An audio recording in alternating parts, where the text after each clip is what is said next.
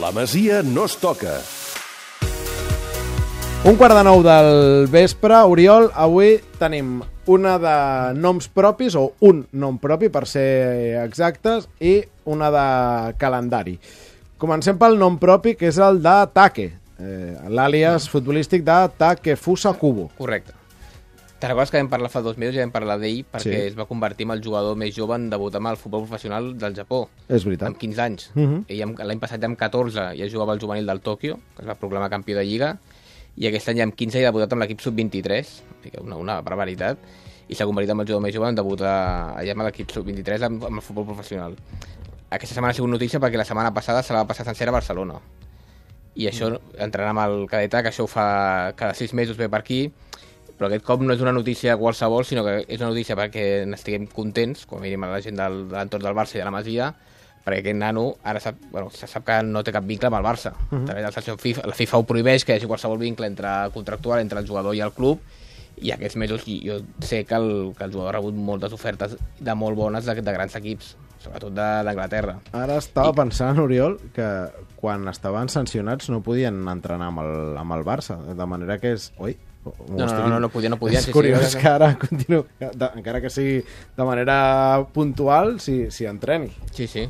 I, i la veritat és que en, aqu- en aquests eh, any i mig que fa que ja no pertany al Barça, el nano ha rebut ofertes molt importants, evidentment no per fitxar-lo ara, sinó per fitxar-lo quan compleixi 18 anys, mm -hmm. i el fet que hagi tornat aquí a Barcelona i que hagi expressat que vol seguir aquí, jo crec que és una molt bona notícia perquè potser algun altre jugador pues, hagués eh, aprofitat aquest, aquest temps que no és al Barça per, per anar-se a Anglaterra perquè la veritat és que està rebent ofertes molt bones. I a part d'això, o sigui, el fet de que el, el nano expressi que vulgui seguir el Barça, jo he parlat amb jugadors del seu equip i m'han dit que la setmana d'entrenaments que ha fet aquí a Barcelona bueno, que, que va com un tiro, que segueix sent un, un fenomen i que apunta en molt bones maneres. Té O sigui, 15 anys? Ara té 15 anys. És a dir, que ens en falten com a mínim 3 per veure'l aquí de manera oficial. Correcte. Però, bueno, però que, que apunta a ser un jugador de, de primer nivell. Gerard, el tens vist, Take? Poquet. Poquet. Poquet, l'he vist poquet. Uh, Take poc. sí, Perdó, poquet, perdó, home, però divendres. els divendres ja queden poques coses. No, home, eh, el que he pogut veure sí que un jugador marca molt la diferència ara. Uh -huh. I crec que l'Oriol està d'acord amb mi que, que quan, eh, quan s'ha de valorar més els jugadors a nivell competitiu és l'última etapa de, de juvenil, per tant és a partir d'ara dels 3 anys que, que comentaves que queden aquesta és l'etapa on realment els jugadors realment es fan, no es fan, competeixen bé, no competeixen bé, però ara mateix marca, marca molt les diferències. Igual que aquí van haver-hi molts jugadors que van estar molt temps sense competir, jo crec que ell i la seva família van prendre la decisió correcta.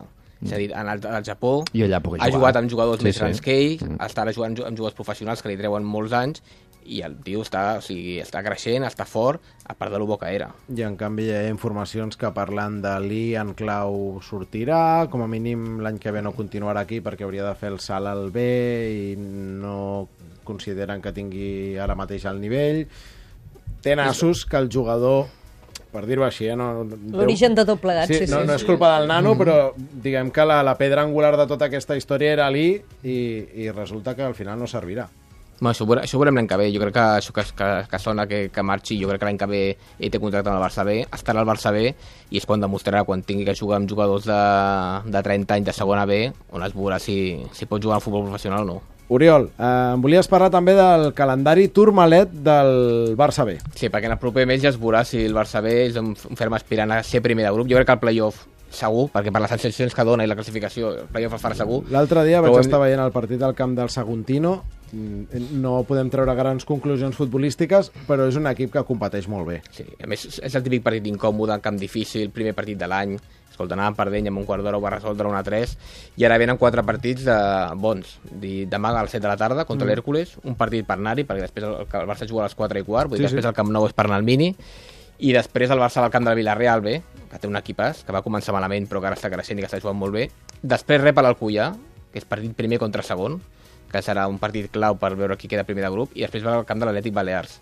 És a dir, que amb els pròxims mesos, amb els pròxims quatre partits, es veurà si el Barça, pot, pot, el Barça B pot quedar primer de grup o no. Doncs mira, fa de mal apostar, però jo, tal com el veig, insisteixo, eh, no és que t'ompli futbolísticament, perquè tampoc és una categoria per fer grans meravelles, i, i menys en segons quins camps, però aquest Barça genera confiança com a equip. Després, un altre dia podríem parlar dels jugadors que, que l'integren, etc etc. però això ja ho hem fet molts dies. Ara tornem.